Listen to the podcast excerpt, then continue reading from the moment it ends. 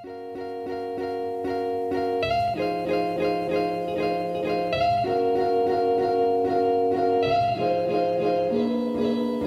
kuulate investeerimisklubi podcasti, kõik on hästi, pea püsti, sõidad, kuulad seda bitti silmistu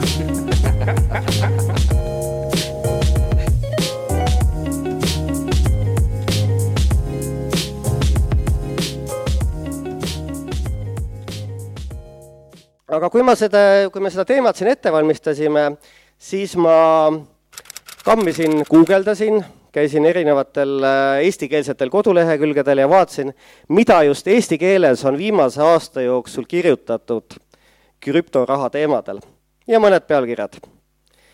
kolm põhjust, miks Bitcoin ei ole mullis.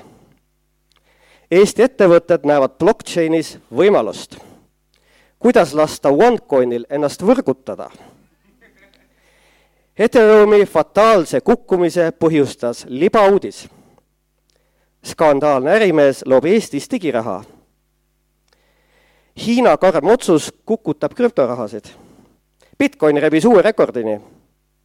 uus tehnolahendus upitas Bitcoini. Tallinnas toimub Bitcoini konverents. Bitcoin versus kuld, kumb jääb peale krüptorahad kaotavad kiiresti väärtust. Morgan Stanley, Bitcoin ei ole arvestatav investeering. maailma suurima riskifondi juht, Bitcoin on mull. Bitcoin on jätkuvalt volatiilne. uus rekord, Bitcoini tõus ei peatu. krüptoraha kuriteod on maksma läinud miljoneid. Diamond, Bitcoin on hullem kui tulbisibulate maania korvpallifännist ärimees kaevandab Mustamäele raha. Bitcoin tõuseb tänu Jaapanile ja Venemaale. seal on palju nihu, seal on palju, mis saab nihu minna ja ilmselt lähebki. Bitcoin tõuseb saja tuhande dollarini, küsimärk. superstaari saate finalist arveldab üllataval moel. kui loll peab olema, et sinna raha panna Eesti krüptoraha sündi saadavad kahtlused. Venemaa kaalub krüptoraha legaliseerimist. Jaapani suurpangad loovad oma krüptoraha.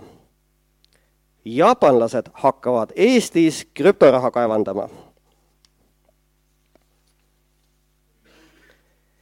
Venemaa tahab välja tulla riiklikult kontrollitud krüptorahaga tühjad lubadused Eesti oma krüptorahaga on investorid vihaseks ajanud. ameeriklased pakuvad, teeme koos Eestile turvalise riikliku krüptoraha. jaapanlased ehitavad Pakri poolsaarele mitme miljoni eest krüptorahade kaevanduse. The Pirate Bay võib kasutada sinu arvutit, et krüptoraha kaevandada. WannaCry lunavaraga saadud krüptoraha läks liikvele. Kunsing krüptoraha on populaarne märksõna, millega ullikesi püüda. Eestis krüptorahapanka lubav ettevõte suutis koguda inimestelt kolmkümmend miljonit eurot. ja lõpetuseks minu lemmikpealkirjad. Pärnu haiglas toimus massiivne Bitcoinide kaevandamine. krüptoraha ekspert. Pärnu haiglas olnud masinad ei pruukinud olla tulutoovad. noh, kas keegi saab midagi aru, mis toimub või? No mina igatahes mitte, aga selleks on vaja leida siis need inimesed, kes sellest asjast siis aeglaselt ja minu palvel võimalikult eestikeelsete sõnadega räägiksid. ja, ja neist esimene inimene on kohe meie ees. Liina Laas-Pilson, ole hea, tule lavale. Liina on, jah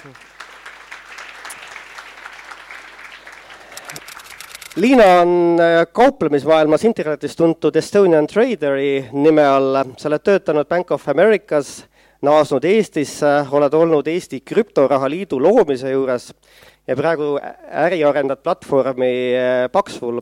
kaua sa oled olnud äh, krüptorahadega seotud? ja ikka selle lülitame sisse ja siis kõik juba toimub. nii, toimub. huvi tekkis kuskil viis aastat tagasi aga see oli pigem niisugune guugeldamine. ja aastal kaks tuhat kolmteist vist äh, lõime äh, väikse grupi inimestega Krüptoraha Liidu. ja sealt siis ma olen vaikselt kirjutanud artikleid sellel teemal ise kaubelnud ja asjatanud. ja sinu usk krüptorahandusse on selle aja jooksul järjest tõusnud? muidugi. ja milliseid krüptorahasid sa siis ise omad? Mul on mõningaid äh, tokeneid, mis on nendelt ICO müükidelt, siis mul on mõned erinevad äh, altcoin'id ja noh, Bitcoiniga. nii et tokenid, ICO müügid, altcoin'id, Bitcoinid, loodame kõigesse sellesse nüüd selgust tuua. ehk siis, mis jääb järele, kui krüptorahast, kui kõik emotsioonid välja võtta, Liina hakkab kohe rääkima. okei okay., nii ähm, ma, ma tõesti katsun selle panda nüüd eesti keelde, see on minu jaoks ka päris raske olnud ma panin seda presentatsiooni kokku, siis äh, tuli kasutada Google Translate'i abi, nüüd päris aus olla. ühesõnaga, kui ma siin hakkan jahuma inglise keeles, siis keegi vehkige kätega. okei okay. ähm,, võtame vaikselt äh, läbi sõnavara, ehk siis äh, kui siin ruumis on keegi, kes üldse ei tea midagi Bitcoinist, siis ehk, ehk aitab ehk siis, mis on, millel Bitcoin põhineb, tehnoloogia on blockchain ehk plokiahel. Ähm, mis on selles erilist, on, et tegemist uh, on äh, detsentraliseeritud äh, võrguga, ehk siis sul ei ole vaja keskset ähm, ütleme, panka või mingit keskset autoriteeti, kes siis looks seda usaldust ehk siis, kui pangal meil käivad tehingud, sa saadad ühelt inimeselt raha teisele, siis pank peab seal keskel seda ähm, nii-öelda usaldust hoidma. Blockchaini puhul seda vaja ei ole. ehk siis kõik toimub võrgus, kõik tehingud on avalikud ja see võtab selle vahemehe sealt vahelt ära, mis tegelikult minu silmis on turvalisem. Wallet ehk rahakott ähm, ongi umbes see, mis ta lubab, et ta on. Ehm, ta ei ole küll nagu päris rahakott, aga mm, vaatame asja niimoodi. Ehm, Bitcoini walleti jaoks on sul vaja privaatset võtit ja avalikku võtit. ehk siis tegemist on lihtsalt aadressidega ja igaüks võib näha sinu avalikku võtit, ta saab sulle raha saata, ta võib vaadata, kust su raha tuli, kuhu ta läks aga sinu käes peavad olema privaatsed võtmed, siis äh, nendega saad sina ligi oma rahale. kui sa selle privaatse võtme ära kaotad või kellelegi jagad, siis saad rahast ilma samamoodi nagu sularahaga, kaotad rahakoti ära. Altcoin'id on teised krüptorahad peale Bitcoini, niisugune üldine termin.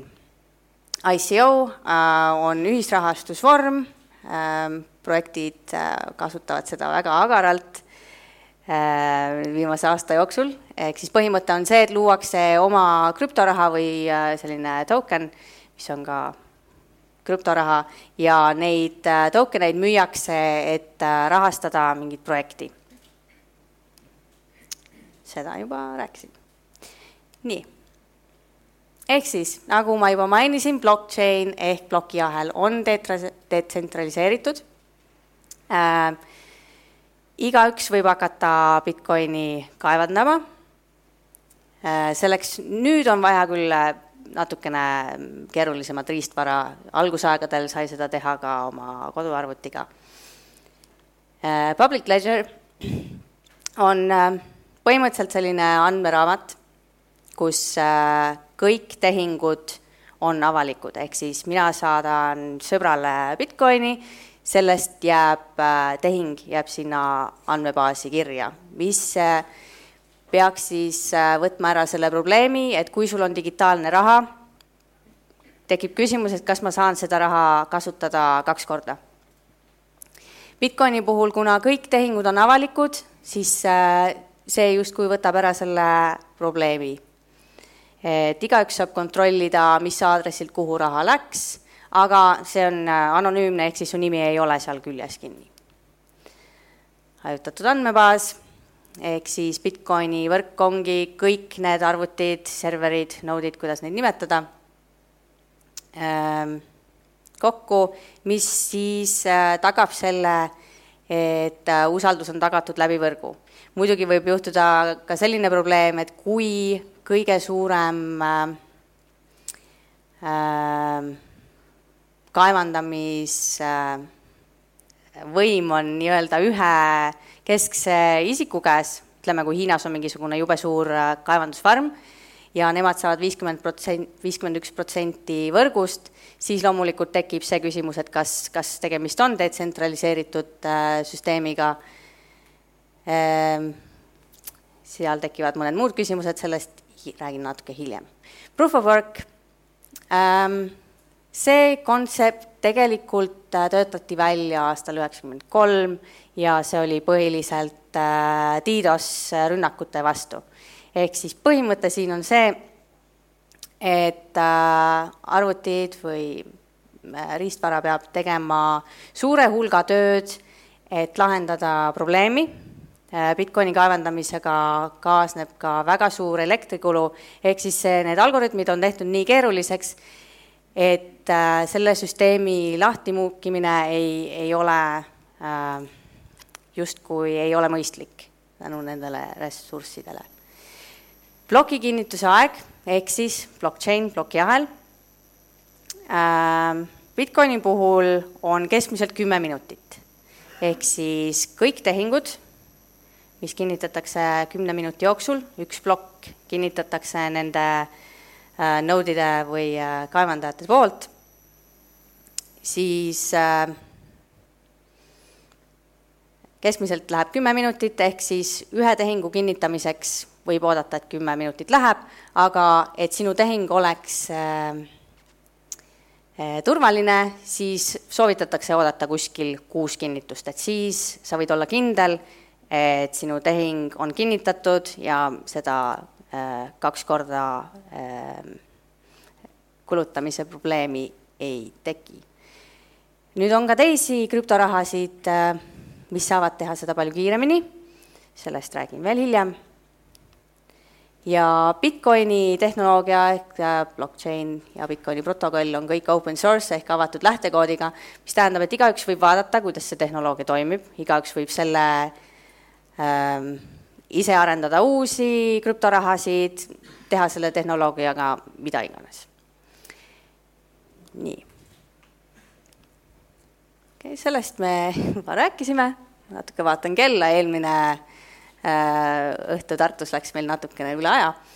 ehk siis ma juba mainisin, et Walleti all on sul vaja privaatsed ja avalikud võtmed ja on äh, erinevaid wallet eid, ehk siis võib olla sinu desktopis ehk arvutis Äh, jookseb äh, kohalikul tarkvaral sinu oma wallet. võib ka olla kolmanda osakorra, osapoole rahakott, mis tähendab siis, et see on kas veebipõhine tavaliselt või äpis, sellisel juhul hoiab see teenusepakkuja privaatseid võtmeid. ehk siis temal on juurdepääs sinu walletile. siin on kaks murepoolt inimestelt olen, olen kuulnud, ehk siis sellise walleti puhul, kus sina hoiad ise oma privaatseid võtmeid, tekib inimestel mure, et okei okay,, kaotan ära, mis ma teen. Et siis, siis raha tagasi ei saagi. ütleme, veebi walleti puhul sa saad endale ilmselt, äh, sa saad seda parooli uuesti küsida ja on võimalik seda ligipääsu siiski saada. samas tekivad teised probleemid, keegi võib sinu äh, konto häkkida sama probleem muidugi ka, kui sa hoiad arvutis seda lihtsalt failina oma võtmeid ehm,. on ka riistvara wallet'id, näiteks Trezor. See on selline väike, väike asi kuidas seda paremini nimetada, kus äh, sa saad, see on turvalisem, sest et ta ei ole sul ei lokaalselt arvutis ega kuskil äh, veebilehel sinna sa saad veel lisada PIN-koodi, et olla kindel, et keegi ei saa sinu coinidele ligi. siis on ka paberi- ja rahakotid, ehk siis sa lihtsalt prindid välja oma privaatsed ja avalikud võtmed, siis paned endale sahtlisse või seifi või, või kuhu iganes. siis jõudsin asjani nimega miners fee ehk siis kaevandajate teenustasud äh,. iga Bitcoini tehingu puhul toimib asi nii, miks peaks keegi oma äh, arvutit või ostma endale kallist riistvara, et neid tehinguid kinnitada äh,. siin tuleb appi äh, see kaevandajate nii-öelda tasu, mida nad saavad teenustasudelt ja lisaks ka ühe ploki kinnitamise eest. praegusel hetkel on äh, ühe ploki kinnitamine kaksteist ja pool Bitcoini, see summa läheb pooleks kuskil iga nelja aasta tagant. ja süsteem on ühita-, ehitatud üles äh, nii, et äh, kui hästi palju kaevandajaid lisandub sinna võrku, siis kaevandamiskeerukus läheb üles, mis tähendab, et see ei ole enam nii tulus paljudele inimestele, paljud ilmselt lahkuvad, siis läheb jälle, keerukus läheb alla jälle hea kaevandada, ehk siis see süsteem peaks ise reguleerima, kui palju äh, on neid kaevandajaid äh, korraga võrgus. Miners fee on äh, veel lisaraha, mis need kaevandajad saavad teenida, see on siis tasu, mis sa maksad iga kord, kui sa Bitcoini saadad teisele aadressile. Ehm, nüüd eelmine nädal oli just suur probleem, Miners fee jõudis kahekümne dollarini ja sest tehinguid oli hästi palju, Bitcoin oli plaanis fork ehk siis Segwit 2X, mi-, äh, mille põhimõte oli muuta selle ploki suurust. siis kuna Bitcoin on muutunud nii äh, populaarseks ähm, ja tehinguid on äh, nii palju, siis ühe megabainine ploki suurus ei ole piisav. See küll tekitas väga palju kisa ja sellest fork'ist otsustati loobuda. täna peaks olema miners fee enam-vähem äh, mõistlik, aga eelmine reede ta korra oli kakskümmend dollarit. nii, siin on minu Bitcoini aadress, keegi tahab saata, palun. nii. ei ole. kaevandamisest ma juba äh, natukene siin rääkisin, ehk siis äh, on võimalik krüptorahasid kaevandada kahte moodi, ehk siis üks on proof of work, millest ma natukene mainisin juba, kus äh, kas graafikakaardid või CPU-d peavad tegema, lahendama algoritme, matemaatilisi äh, küsimusi, kui nii võib nimetada. teine variant on proof of stake, mis on palju efektiivsem, sest proof of work võtab hästi palju äh, ressursse ehm, hiljuti just arvutati välja, et ühe Bitcoini kaevandamiseks läheb kuskil kuuskümmend äh, tünni naftat. see on päris, päris suur. Proof of stake töötab teistpidi, ehk siis äh, see oleneb sellest, milline hulk antud krüptoraha inimesel on olemas wallet'is ja selle kaudu ta saab kinnitada neid tehinguid, see võtab väga palju vähem ressursse algoritme on ka erinevaid, mitmed krüptorahad kasvat-, kasutavad erinevaid äh, algoritme, erinevaid blockchain'e ehm,. sellesse ma väga sügavuti praegu ei lähe. riistvara, mida on vaja krüptoraha kaevandamiseks, on põhimõtteliselt hetkel kaks varianti, mis on populaarsemad, ehk siis GPU ja CPU mining, Bitcoin toimib CPU-ga ja GPU on tavalised graafikakaardid. Ehm, Neid on mitmeid, kõige parem idee on leida graafikakaardid, mis, äh, äh, mille nii-öelda hash rate ehk siis see äh, hash rate, et kui palju äh, äh, nüüd läheb eesti keelega probleemi arvutusjõudu äh, on ja see tuleks valida graafikakaart, mis võtab vähem elektrit ja muidugi maksab vähem. nüüd on ka Bitcoin Forkis mitu korda paari kuu jooksul, nüüd on olemas ka Bitcoin Cash, mida saab GPU-ga mainida, seda ma hakkan ise katsetama kodus homme. eks saab näha, mis juhtub. mul on äh,, millised graafikakaardid mul on? minul on mõned äh, AMD Mining Edition RX nelisada seitsekümned ja siis mul on mõned RX viiesaja kaheksakümned. Äh, kaevandamise puhul on ilmselt kõige populaarsem variant, kui sa oled väike kodus, kaevandad omaette, on liituda mining pool'iga, mis tähendab, et see on niisugune suur hulk kaevandajad, kes siis koos üritavad seda ühte plokki leida ja üheskoos on neil suurem tõenäosus ja siis äh, äh, nii-öelda mining reward ehk siis äh, nende auhind äh, jagatakse omavahel ära vastavalt äh, nende arvutusjõule. Selline, sellise asja ehitasime kodus valmis, seal on lihtsalt graafikakaardid, riputasime need sinna riiuli külge. Ähm, elektrit äh, võtab koledal kombel, sellega saab väga vabalt, kütan ära ülemise korruse, kui väga külmaks ei lähe. aga minu jaoks on see pigem äh, eksperiment, et ma tahtsin näha, kas, kas hakkab tööle, ei hakka. ja hetkel kaevandame Ethereumit ja homme vaatame, mis juhtub Bitcoin Cashiga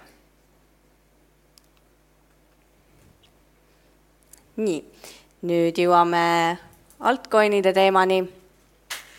altcoin'id on põhimõtteliselt kõik teised krüptorahad peale Bitcoini, nii neid üldjuhul äh, ehk siis alternatiivsed coin'id.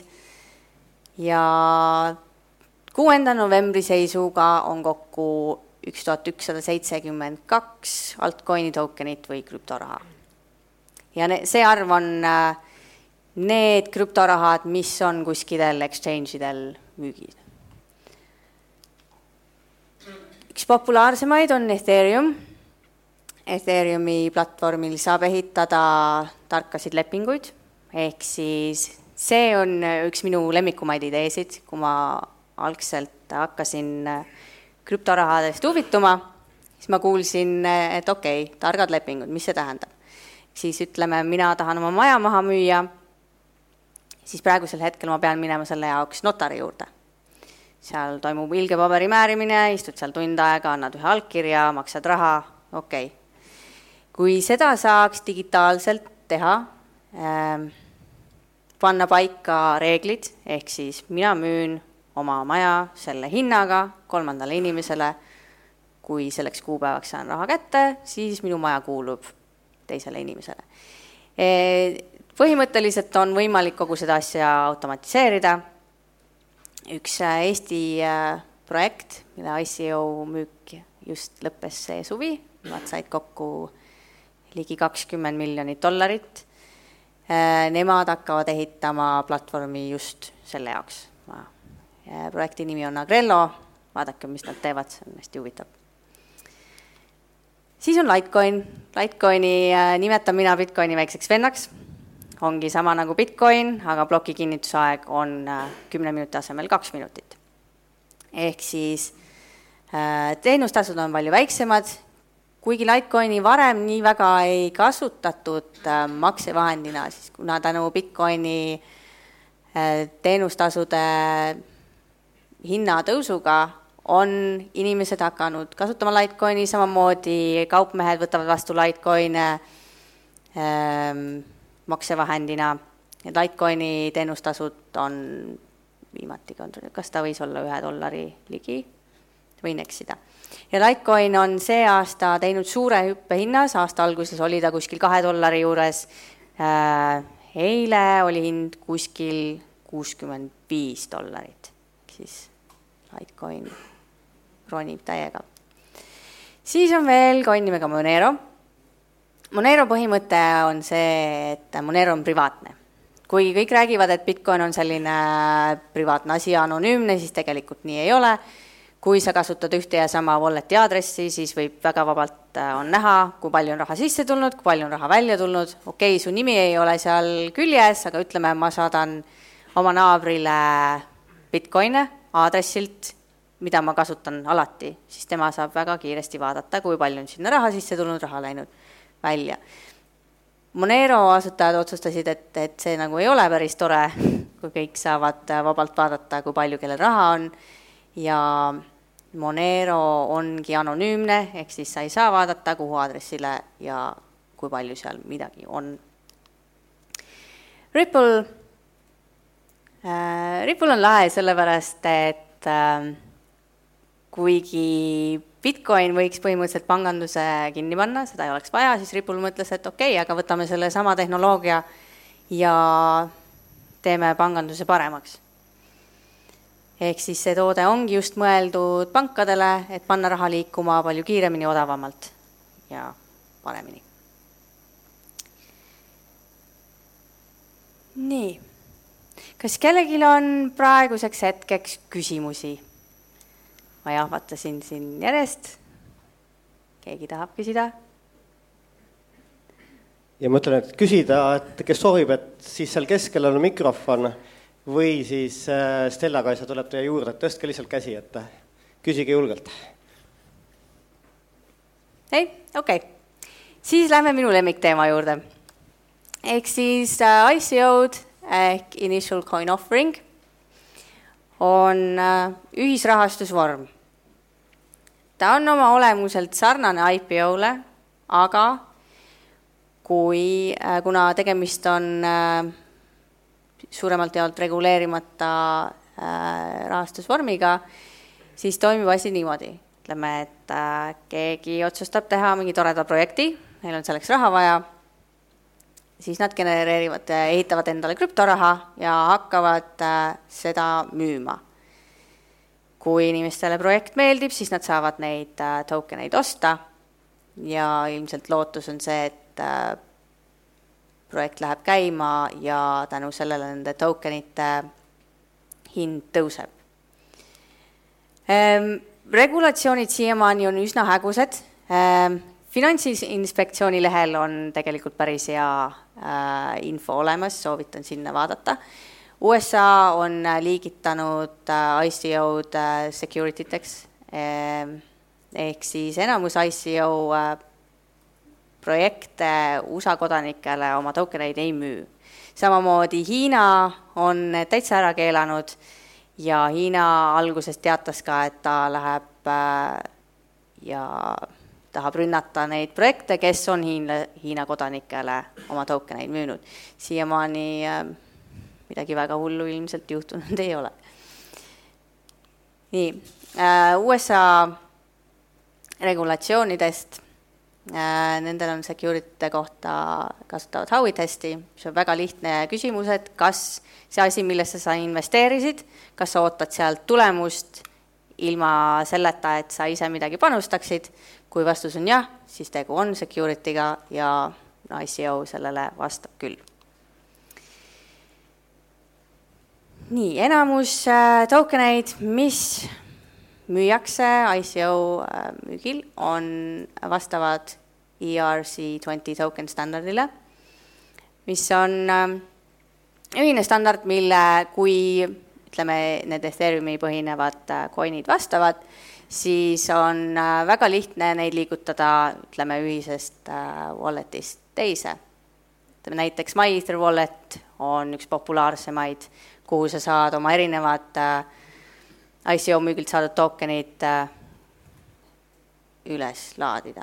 ütleme, kui sul on muidu tavalised altcoin'id, nende jaoks oleks vaja kas erinevat rahakotti, siis tokenid, mis vastavad ERC kakskümmend token standardile need ühilduvad selle ühe wallet'iga, neid saab äh, ühest kohast teise väga lihtsalt liigutada, ehk siis enamus ICO müügil äh, genereeritud tokeneid on selle standardiga vastavus.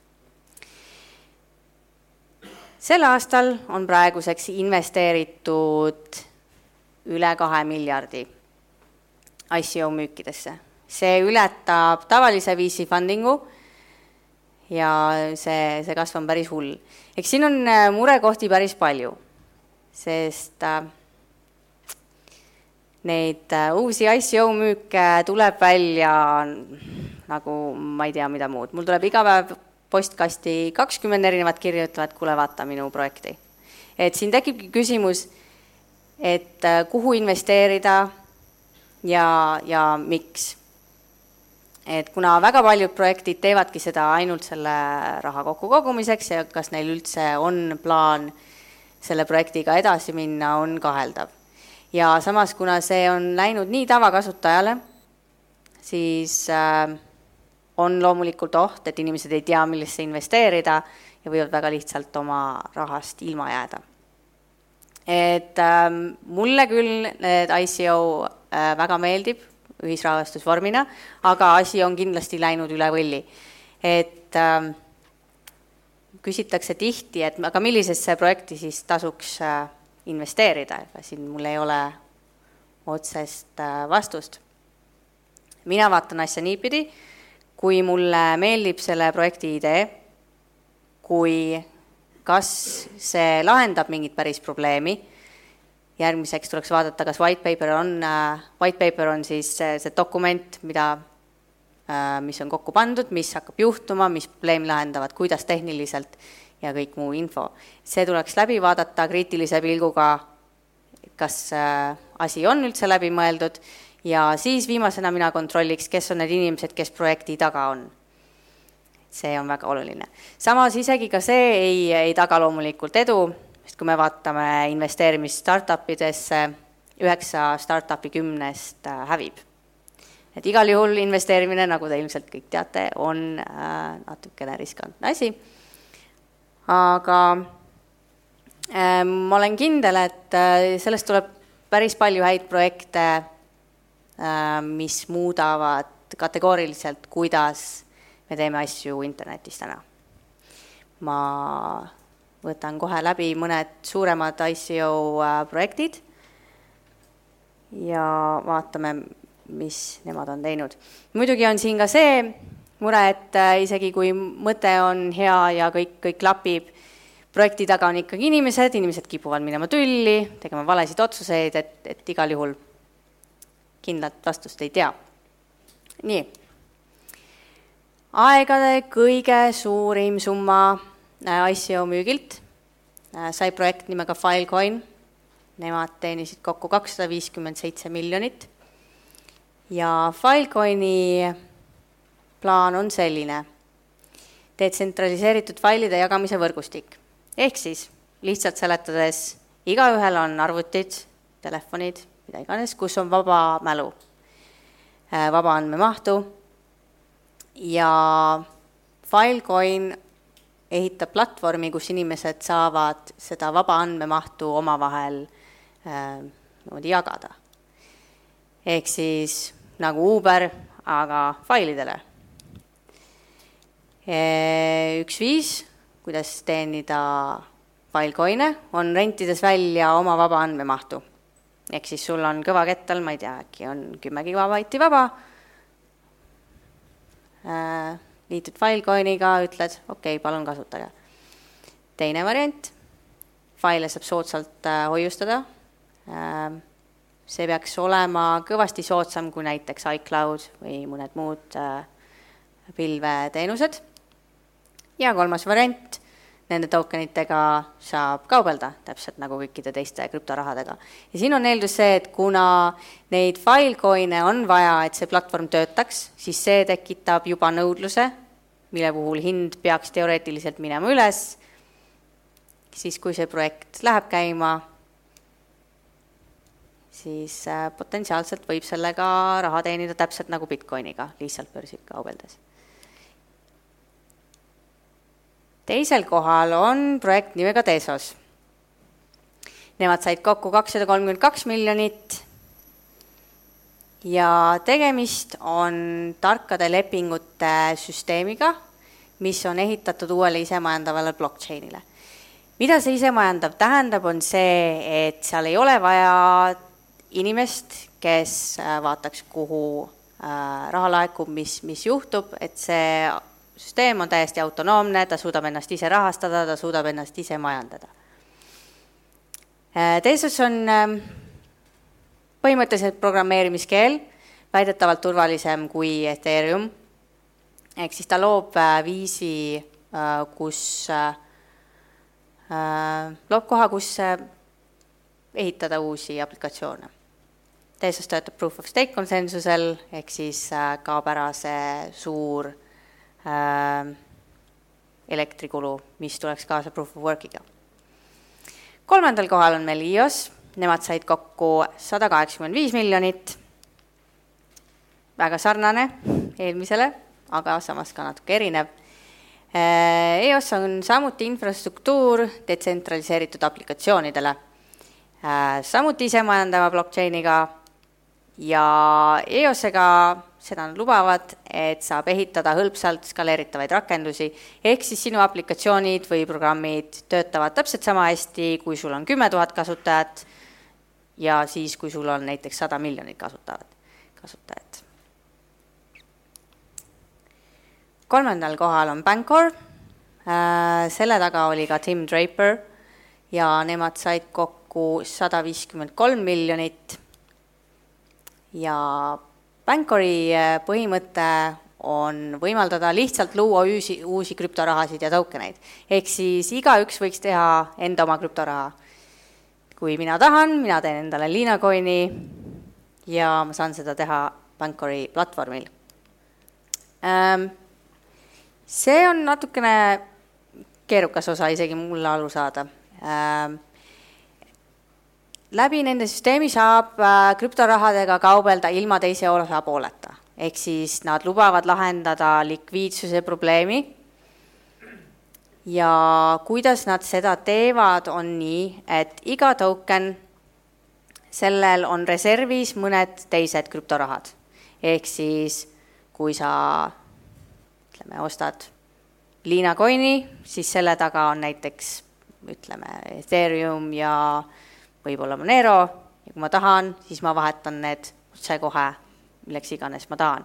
et äh, mul on endal ka küsimus, kuidas see teoorias niimoodi töötama hakkab, aga igal juhul äh, on huvitav, kuhu nad sellega jõuavad ähm,. nagu ma mainisin, nad tahavad lahendada likviidsuse probleemi ja, ja põhivisioon on demokratiseerida väärtuse loomine, nagu blogid demokratiseerisid meediaväljaanded. ehk siis igaüks saabki teha endale uue krüptoraha, kuidas iganes nad tahavad, ütleme näiteks mul on korteriühistu, tahame luua oma tokeni, et äh, ma ei tea, maksta elektri eest omavahel midagi vahetada, siis see on täitsa võimalik, väiksed äh, community tokenid. järgmine on staatus, nemad said kokku üheksakümmend miljonit ja nemad tahavad ehitada avatud lähtekoodiga sõnumivahetusplatvormi ja mobiilside funktsiooni. ta võimaldab suhtlemist Ethereumi võrgustikus töötavate detsentraliseeritud rakendustega ja samuti paindlik platvorm, kus saab neid rakendusi luua ja nende põhipoint on, et miks, miks just sõnumivahetusplatvormid, ehk siis asjad nagu äh, Facebook Messenger, Whatsapp, väga populaarsed. ja nemad leiavad, et kui keskenduda sellele valdkonnale, siis see on inimestele selline tuttav, tuttav asi. igaüks kasutab mingisugust Messengeri äppi kindlasti. ja kui nad äh, suudavad luua viisi, kus inimesed saavad lihtsalt neid äh, aplikatsioone luua Ethereumi platvormile, siis see omakorda aitab äh, aitab seda valdkonda kasvada kiiremini ja et inimesed arvaksid, et see ongi normaalne. minu meelest niipidi, edaspidi me võiksimegi kõiki aplikatsioone blockchain'il luua ja tuues sellise ütleme, mainstream äh, teenuse blockchain'ile, see aitaks kindlasti kaasa. kellelgi ICO teemal küsimusi? tule siia, oota, mikrofon tuleb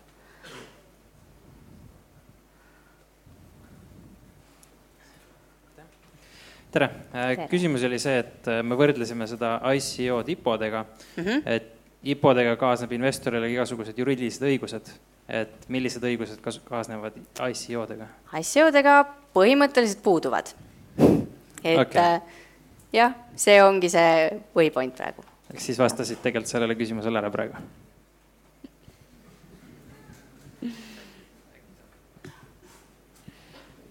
minul on küsimus selline, et äh, kus see ICO, noh, kes need rahastajad on, kui USA ja Hiina turg kinni on? ma olen päris kindel, et äh, inimesed USA-st ja Hiinast ikkagi investeerivad, kas nad kasutavad VPN-i või nad teevad seda läbi mõne muu riigi. Ähm, et kõige suurem osa rahast tuleb ikkagi mingitelt suurinvestoritelt ja VC-delt, et see ei ole see äh, harrastaja aga eks ka arvestatav summa on ka inimestel, kes on sellest valdkonnast huvitatud. aga jah, eks, äh, eks nad kuidagi liigutavad neid asju ringi, kas läbi mõne teise riigi. et ametlikult USA kodanikele müüa ei tohi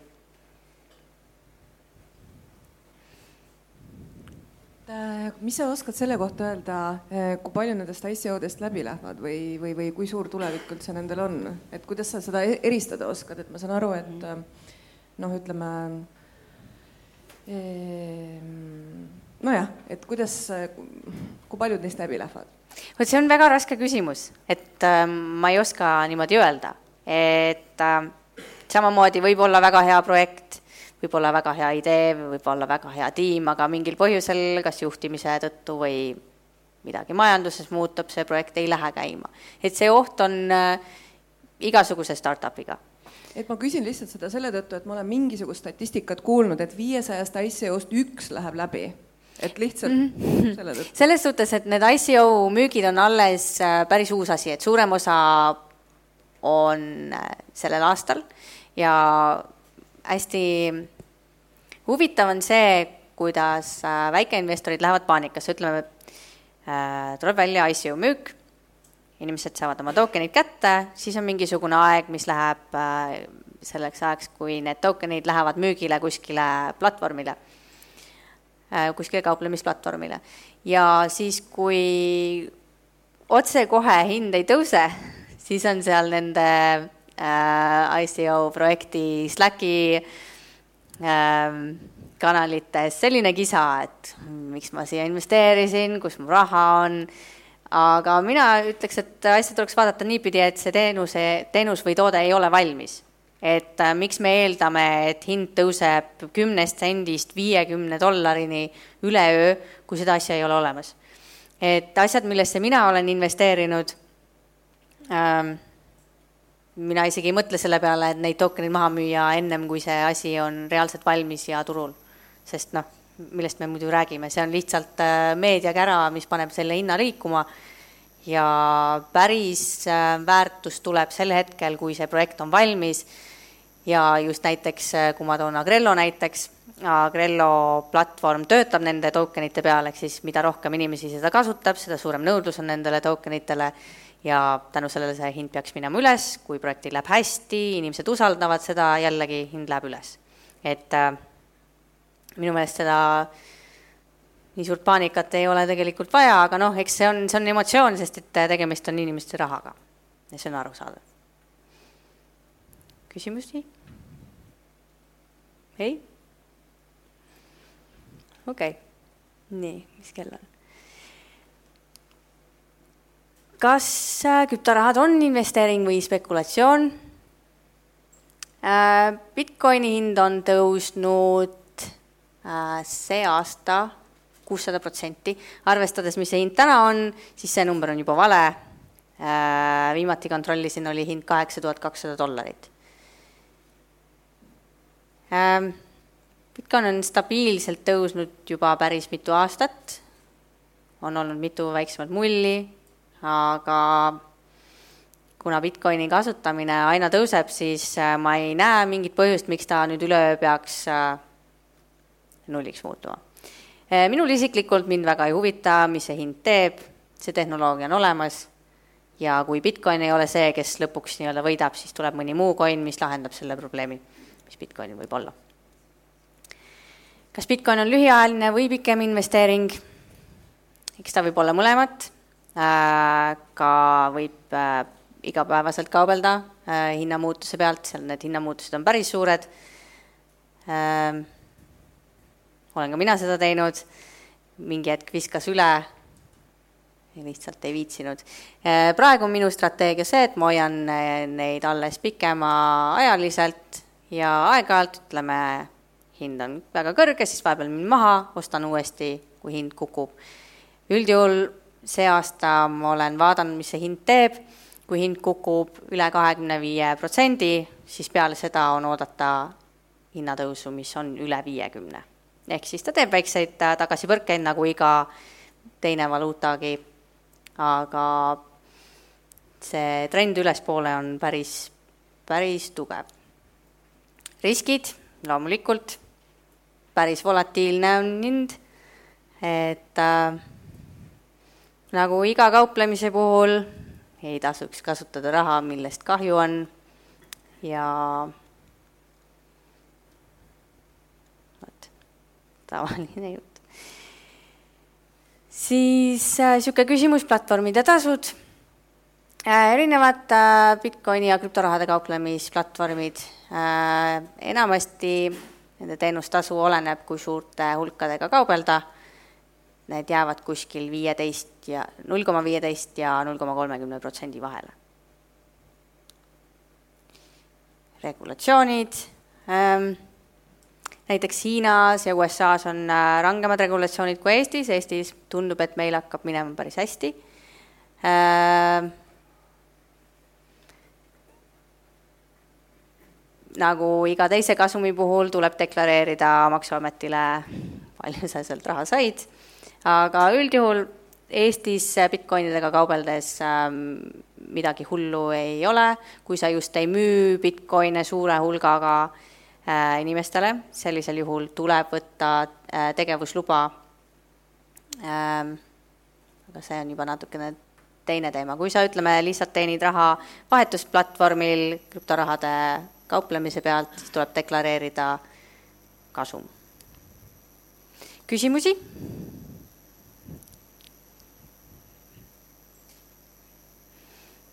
Ei ole, okei okay.. ma vahepeal äh, küsin ise, et kui paljud on juba saanud uh, uut ja kasulikku informatsiooni, et andke käega märku, et hästi kõrgele. nii, aitäh. kui paljude jaoks see kõik, mis siin praegu räägiti, oli nagu teated kuu pealt? nii äh,, aitäh. et äh, võtke praegu, saage tuttavaks oma lähimate naabritega ah.. kas ma võiks korra okay.? jah. ole hea, küsi. kas on midagigi peale selle pimeda usu, et äh, tulevikus on Bitcoin midagi väärt? mis tagaks seda, et ta midagi väärt on? loomulikult ähm,. näiteks, see on nüüd isiklikust kogemusest. Bitcoin äh, lahendab äh, probleeme inimestele, kellel ei ole ligipääsu äh, pangateenustele. näiteks Aafrika äh,, aafriklastel on seitsekümmend protsenti inimestest, neil ei ole võimalik pangakontot avada mingil põhjusel. Mina töötan kohas nimega Paxful ja oleme Bitcoini äh, selline mitte kauplemisplatvorm, aga see on sait, kus sa saad müüa ja osta Bitcoine inimeselt inimesele. ehk siis minul on üks Bitcoin, mina otsustan, et ma müün selle maha ja keegi saab seda osta selle maksevahendiga, mida mina otsustan. ja väga huvitav on see, et äh, meie kõige kiiremini kasvav turg on Aafrika ja me hakkasime uurima, et miks, miks need inimesed seda kasutavad. Sest äh, nendel on pangakonto avamine väga kallis. Äh, pangakontorid võivad olla väga kaugel sellest, kus nad elavad. Ja mis näiteks nigeerlased teevad, nad ostavad kinkekaarte, kinkekaartide eest ostavad Bitcoine ja Bitcoiniga nad saavad teha oste ükskõik kus põhimõtteliselt. ehk siis, kui äh, meil kui lääne inimesel, me, meie jaoks on väga võõras probleem, et ei saa maksta kaardiga, ei ole pangakontot, ei saa kellelegi raha saata Äh, Nigeerias on veel äh, piirangud, äh, riik on pannud piirangu välisvaluutale, ehk siis üle saja dollari krediitkaardiga makseid teha üle piiri ei saa. ja sellepärast nad kasutavadki Bitcoini ja samamoodi on see väga kiirelt kasvav trend üle terve Aafrika. okei okay,, aitäh, aga kas ma saan õigesti aru, et Bitcoini pakkumine kui selline on ajas fikseeritud, selles mõttes, et Bitcoini, ütleme siis me teame ette, kui palju tulevikus on ringluses Bitcoini uh. -huh. seega põhimõtteliselt Bitcoini hinna kui sellise määrab üksnes nõudlus, mitte miski muu. just okay.. ja see on ehitatud äh, niimoodi, et kuna see äh, Bitcoini pakkumine langeb iga nelja aasta tagant, iga nelja aasta tagant see nii-öelda mining reward ehk siis, mis need kaevandajad saavad endale äh, lisaks, läheb pooleks, ehk siis kui me eeldame, et nõudlus jääb samaks, aga pakkumine kukub, siis see hind saab ainult üles minna selle teooria järgi. aga selles mõttes, et Bitcoini hulk ringluses ei vähene ajapikku, seega pakkumine kui selline, pakutav kogus on fixed? jah, pakutav kogus, äh, üldse võimalik kogus kokku on kakskümmend üks miljonit. Äh, selle summa Bitcoine me saavutame kuskil kauges tulevikus, kus me kõik oleme ilmselt juba surnud, kui just mingit äh, väga suurt meditsiinilist revolutsiooni ei teki aga jah, selle valemi põhiselt äh, saab Bitcoini hind ainult üles minna. kuni nõudlus kasvab? isegi kui nõudlus jääb samaks, kui pakkumine läheb alla. aga pakkumine, ma saan aru, pakkumine on fix kakskümmend üks miljonit, see ei lähe alla e,? aga kakskümmend üks miljonit ei ole olemas praegu. Aga noh, okei okay,, lõppkokkuvõttes on kakskümmend üks miljonit siin süsteemis olema, tuleb mm. -hmm. aga selles mõttes pakkumine ei vähene ajas, nõudlus, noh, ole, oleneb sellest, siis on ka hind, jah, ei.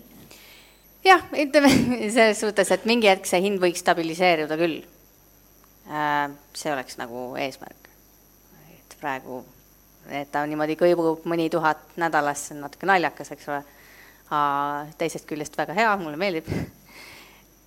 aga jah, tulevikus ma loodaks, et selleks, et noh, selleks hetkeks, kui need kakskümmend üks miljonit on juba olemas, me ei tea, mis juhtub, mis see hind teeb, kas ta stabiliseerub või mitte. aga kuni selle hetkeni teoreetiliselt hind peab minema üles. aitäh. nii, aitäh, veel küsimusi? nii, aga siis teeme ühe väikse sellise harjutuse, et kuna investeerimisklubi on ka suhtlemiskeskkonda et äh, ma annan teile kaks-kolm minutit aega, suhelge oma lähimate naabritega, moodustage sellised kahe-kolmeliikmelised rühmad ja arutage läbi, mida te siiani uut kasulikku olete teada saanud ja mida veel teada tahaks. no nii äh,, no teeme siin mõne väikese sellise ajakirjandusliku eksperimendi, et ma tulen äh, ma tulen mõne rühma juurde ja küsin, et äh, mida te siis äh, rääkisite, et ma vaatan, Kristel on täna siin väga heas tujus, et, et millest jutt oli siis? Äh, me rääkisime, mis platvormidelt üldse osta krüptoraha, et äkki sa vastad? jaa. ja erinevad teenustasud ja tingimused. okei okay,, neid äh, platvormi on mitmeid. mina kohe teeks promo sellele kohale, kus mina töötan muidugi ähm,. Paxful, Paxful on teistsugune et sealt sa ostad äh, Bitcoini teiselt inimeselt. Äh, vahe on selles, et sealt saab Bitcoini hästi kiiresti, et kui sul on tuli takus, siis teed endale konto, leiad inimese, kelle hind sulle meeldib, valid, mis, kuidas sa maksta tahad ja saad oma Bitcoini kätte. Äh, nüüd, kui me vaatame kauplemisplatvorme, siis nendega on see värk, et kui sa tahad esimest korda Bitcoini osta, siis nad äh, pead saatma dokumendid ja seal läheb umbes nädal aega vähemalt aega, kuni nad vaatavad üle, kas nad tahavad sulle Bitcoini müüa. Äh, kui see, see on tehtud, siis saab, äh, saab vabalt kaubelda. Neid kauplemisplatvorme on mitmeid, näiteks Poloniex, siis on Coinbase'ist saab osta, Coinbase'il on ka oma kauplemisplatvorm, mille nimi on GDAX, siis on veel Kraken, Poloniex ähm,, eks neid, neid on mitmeid, aga need on tuntumad. Äh, kõige odavamad teenustasud vist äh, olid hiljuti HitBTC-l. HitBTC-l on ka hästi palju erinevaid äh, krüptorahasid seal olemas, et kui sa tahad mingit eriti äh, eksootilist coin'i, siis äh, võib-olla vaadata sinnapoole. äkki sa kirjutad selle sinna tahvlile, et okei okay., panen kirja. nii nii, aitäh, vaatame veel siis. Äh, Krakenil on äh, viimased päevad mingid mured, jah. Nad ei oska kasvada piisavalt kiiresti või, või paned tärni juurde? tegelikult ma, ma teda päris maha ei kannaks, et äh, nad on päris tublid olnud pikalt, aga ilmselt neil on väiksed kasvuraskused. et äh, ma ei tea, ma ootaks Krakeni puhul, jah. nii, aitäh, aga näiteks Argo, kus, mille, millest te rääkisite? Pigem Mihklil oli üks mure, et äh, sa vist äh, ei usalda seda päris hästi, et äh, meil tekkis ka küsimus, et millega see nagu tagatud on, et see on lihtsalt, me ei saa nagu aru, et. millel Bitcoin tagatud on yeah.? aga millel eurod tagatud on? millel dollarid tagatud on? mis seal on? usaldus on, mitte midagi muud. küsin korra täpsustuseks, et kui ma saan sada eurot, ma saan vähemalt mingi paberi, kui ma saan Bitcoini mm, -hmm. ma mhm. saan kaks koodi sa saad Bitcoini, mis läheb sinu äh,, mis asi see on digitaalne valuuta. et äh, mõtle nagu e-kiri on internetikiri, siis Bitcoin on internetiraha digitaalne, samamoodi ütleme, kui sa teed pangatehinguid, kas sa tegelikult näed miks sealt arvutiekraanilt vastu vaatab siis, kui ma yeah. oma Bitcoini niimoodi imetlen, et no samamoodi, ütleme, kui sa vaatad, logid oma pangakontole sisse, mida sa tegelikult näed, sa näed numbrit, palju sul seal on, aga kas sa tead, mis ja kuidas see päriselt töötab ja kui sul on see saja eurone käes, kus sa tead, mis see saja eurone, ütleme, aasta pärast väärt on? samamoodi usaldus. no aitäh ja võtame siit eest ka, et Joonatan, et kuhu teie mõtted läksid? Ma ei, tea, tekkis vahepeal lihtsalt küsimus, et kas see Paxful, et kas see on spetsiaalselt valitud sellised tähed, et kiirelt vaatad, tundub nagu oleks PayPal aa, ei, see on minu kole käekiri. see, see on lihtsalt minu kole käekiri, aga Paxful tähendab äh, peaceful äh,. Pax on äh, nii-öelda rahu ladina keeles, on niisugune sõnademäng. ja aitäh, Liina, teeme Liinale ühe hästi suure aplausi